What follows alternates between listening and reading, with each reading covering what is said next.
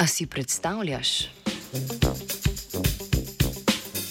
Francosko-avstralska znanstvena naveza je v nedavni raziskavi opisala zenični refleks kot odziv na vizualne mentalne podobe. Izsledke so objavili v spletni znanstveni reviji v odprtem dostopu eLife.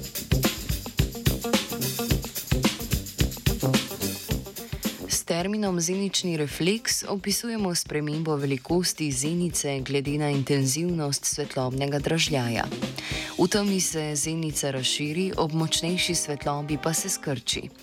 S tem mehanizmom oko optimizira količino svetlobe, ki doseže mrežnico.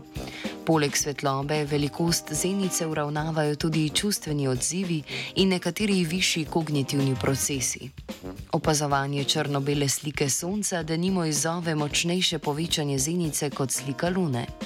Velikost zenice se lahko spremeni celo kot odziv na prebrane ali slišane besede, ki opisujejo svetle objekte.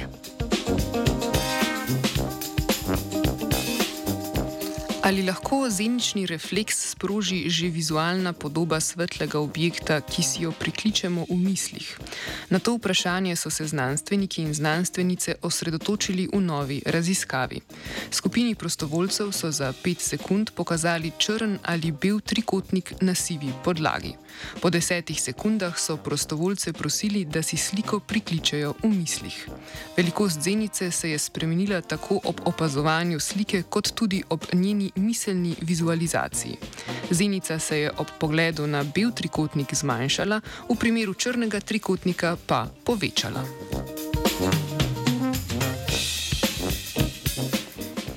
Raziskovalci in raziskovalke so na to želeli preveriti, če je sprememba velikosti zenice odvisna prav od vizualne mentalne predstave. Zato so preverili, če zenični refleks sovpada z intenzivnostjo mentalnih podob pri posameznikih. Intenzivnost mentalnih podob je mogoče meriti s testom, pri katerem vsakemu očesu prikažemo drugačno sliko. Predtem posamezniku naročimo, naj si v mislih predstavlja eno izmed dveh podob, ki mu jo bomo prikazali.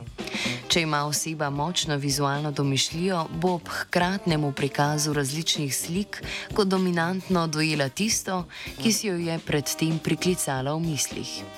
Znanstveniki in znanstvenice so pokazali, da sposobnost intenzivnega vizualnega mišljenja sovpada z eničnim refleksom ob miselnem preklicu prej prikazanih svetlih ali temnih podob.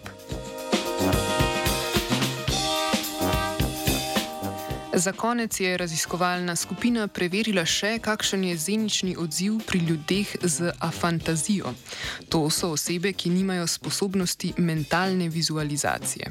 Čeprav gre za relativno pogost sindrom, z njim naj bi živelo oziroma naj bi živeli okrog 4 odstotki ljudi, pa zaradi slabega razumevanja ostaja večinoma nediagnosticiran.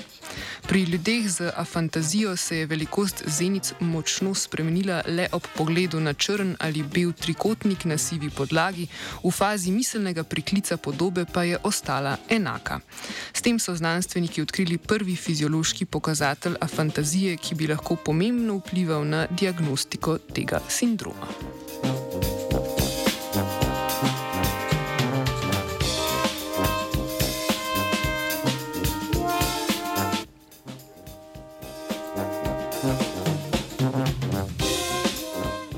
Z Britov je vizualiziral Luka.